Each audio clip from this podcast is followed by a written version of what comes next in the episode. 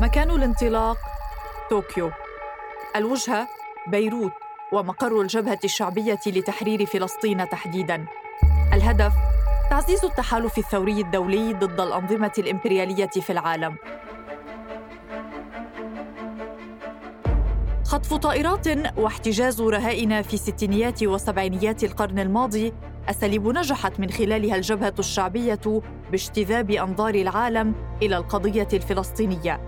في اليابان آمال اليساريين خابت بإحداث تغيير ثوري داخلي والتوجه أصبح نحو الأممية والعمل الدولي.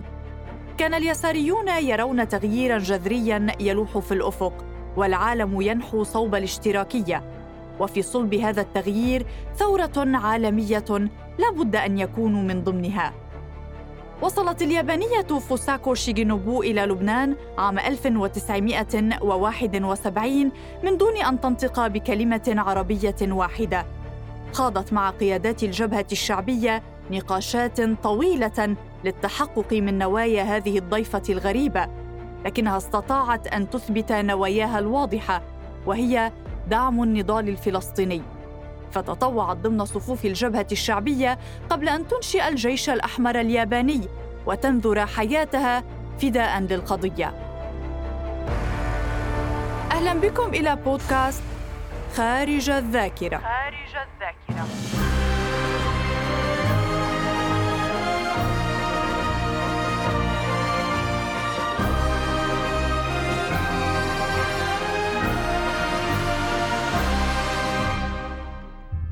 لوالد يحمل افكارا يمينية متطرفة ولدت فوساكو شيغينوبو بعد انتهاء الحرب العالمية الثانية عام 1945 تربت على قصص الحرب التي روتها لها والدتها وكانت كأغلب بنات جيلها حينها تسعى لتأسيس حياة مستقرة بحيث تتزوج وتنشغل بالاهتمام بعائلتها وأطفالها.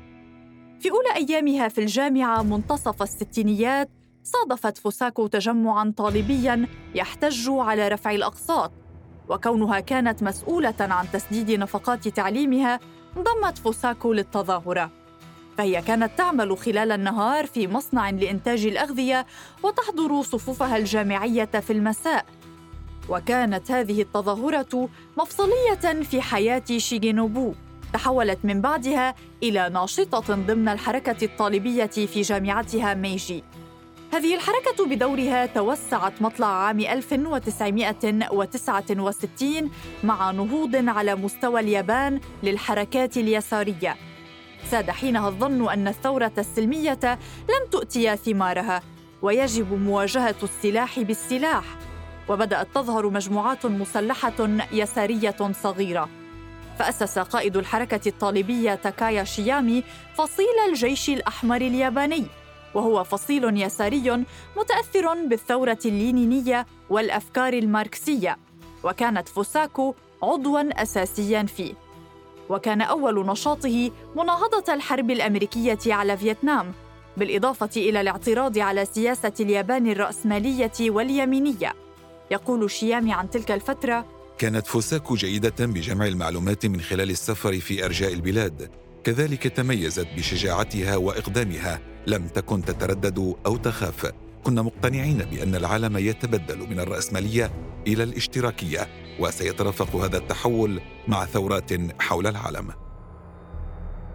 كان اتفاق اليابان مع الولايات المتحدة ودعمها الحرب الأمريكية في فيتنام الشرارة التي أشعلت احتجاجات مسلحة في كل المناطق اليابانية عام 1960 غير أن عشرات الآلاف من عناصر الشرطة استطاعوا قمعها. وجد الناشطون أن الثورة من داخل اليابان ستكون مستحيلة وتطلعوا إلى ثورة دولية. أرادوا أن يقيموا قواعد لهم في الخارج ليكملوا نضالهم المسلح. في آذار عام 1970 خطف أعضاء فصيل الجيش الأحمر الياباني طائرة تابعة للخطوط الجوية اليابانية. سافروا على متنها إلى كوريا الشمالية وأنشأوا هناك قاعدة عمليات دولية. في أيلول من العام نفسه قامت الجبهة الشعبية لتحرير فلسطين بعدة عمليات خطف طائرات واحتجاز رهائن كانت تهدف هذه العمليات التي لم يذهب ضحيتها أي شخص إلى لفت أنظار العالم إلى القضية الفلسطينية ومعاناة اللاجئين التي كاد العالم ينساها ويتجاهلها منذ النكبة. هذه العمليات أثارت فضول الناس حول العالم لمعرفة أسبابها ودوافعها. بدأت مجموعات من حول العالم بالقدوم لمساندة الفلسطينيين في قضيتهم. منهم من اهتم بالعمل العسكري إلى جانب الفلسطينيين ومنهم من تلقى التدريب العسكري على يد الجبهة الشعبية بهدف العودة إلى بلده لمحاربة النظام الإمبريالي فيه. وكان شائعا أيضا تطوع الأطباء والممرضين من اليابان للعمل لتقديم الخدمات للفلسطينيين. عام 71 وصلت فوساكو إلى لبنان في إطار العمل التطوعي. ورغم صعوبة التواصل بسبب عامل اللغة استطاعت إثبات نواياها بدعم النضال الفلسطيني. كان هدفها الأساسي تعزيز التحالف الثوري الدولي ضد الأنظمة الإمبريالية فانضمت إلى صفوف الجبهة الشعبية في بيروت مركز العمليات والقيادة الرئيسي للفصائل الفلسطينية في ذلك الوقت. عاشت فوساكو بين المخيمات الفلسطينية في لبنان وعايشت تجربة اللجوء وبدأت تدرك معنى أن تحارب من أجل أن تحيا. بعد عام من إقامتها في بيروت انشقت فوساكو عن فصيل الجيش الأحمر بسبب ممارساته في اليابان وابتعاده عن الأفكار الثورية. ورأت من خلال معايشة الفلسطينيين أن دعمهم في قضيتهم هو التطبيق الأنسب للشعارات الإيديولوجية للثورة وقررت أنه لا مجال للعودة عن هذه الأفكار كانت عملية مطار اللد عام 72 داخل الأراضي المحتلة الترجمة العملية لمدى التزام المجموعة اليابانية بالقضية الفلسطينية. العملية ضربت العدو في الصميم. وصل ثلاثة فدائيين على متن طائرة تابعة للخطوط الفرنسية إلى مطار اللد حيث وقع تبادل لإطلاق النار مع قوات الاحتلال الإسرائيلي. قتل فيه 26 شخصاً وجرح العشرات بالإضافة إلى سقوط اثنين من منفذي العملية وإلقاء القبض على كوزو أوكاموتو بعد إصابته بجروح.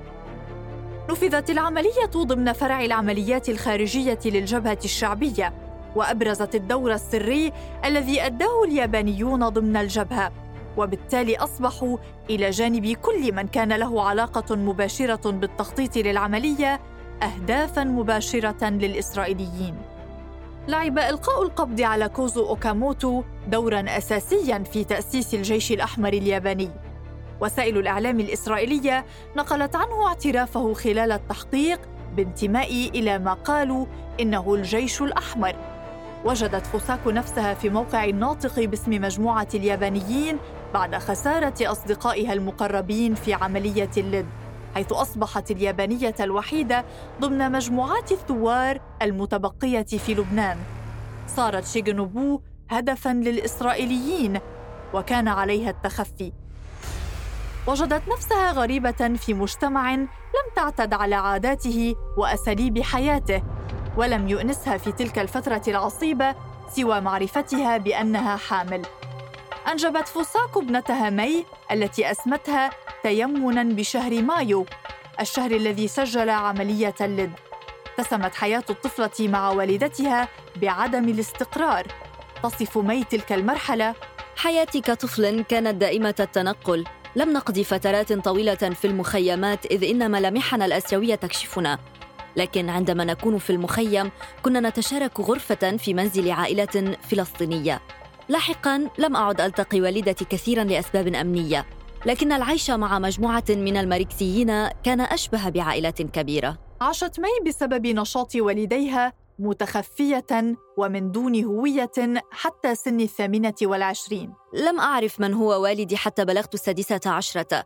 السبب خلف بقاء هويته سرا هو أنه مقاتل وقائد عسكري وبالتالي فإن معرفة أو إعلان هوية والدي قد يعرضني للخطر. كانت مهمة تربية ابنتها صعبة على فوساكو في خضم نشاطها للإفراج عن أعضاء في الجيش الأحمر الياباني عبر التخطيط لخطف طائرات ومبادلتهم برهائن بالإضافة إلى تركيزها على جذب اهتمام العالم إلى القضية الفلسطينية وخطر الإمبريالية العالمية. كما أسست فوساكو عام 74 الجيش الأحمر الياباني ومقره لبنان. وهنا وجب التفريق بينه وبين فصيل الجيش الأحمر الذي انتمت إليه فوساكو وأوكاموتو في بداية نشاطهما الثوري. قبل جمع اليابانيين تحت لواء الجيش الأحمر الياباني وانفصالهم عن الجبهة الشعبية شارك ثلاثة منهم في عملية اقتحام السفارة الفرنسية في لاهاي في هولندا حيث احتجزوا السفير وعددا من الدبلوماسيين بهدف مبادلتهم برفيق ياباني محتجز. اتهمت فوساكو بقيادة هذه العملية وأصدرت اليابان بحقها مذكرة توقيف دولية. في الثامن من تشرين الثاني عام 2000 فتحت أبواب القطار السريع في طوكيو. نزلت سيدة متوسطة العمر رفعت يديها المكبلتين أمام الكاميرات وصرخت. سأتابع القتال. مشهد أذهل اليابانيين بعد 26 عاماً على عملية لاهاي فقد تم إلقاء القبض على السيدة التي كانت بطلة بالنسبة للبعض وإرهابية بالنسبة للبعض الآخر. في العام التالي أعلنت فوساكو خلال جلسة محاكمتها الأولى حل الجيش الأحمر الياباني رسمياً. وعام 2006 أصدرت عليها المحكمة حكماً بالسجن عشرين عاماً بتهم التخطيط لعملية لاهاي والمشاركة في تنفيذها بالإضافة إلى حيازة جواز سفر مزور.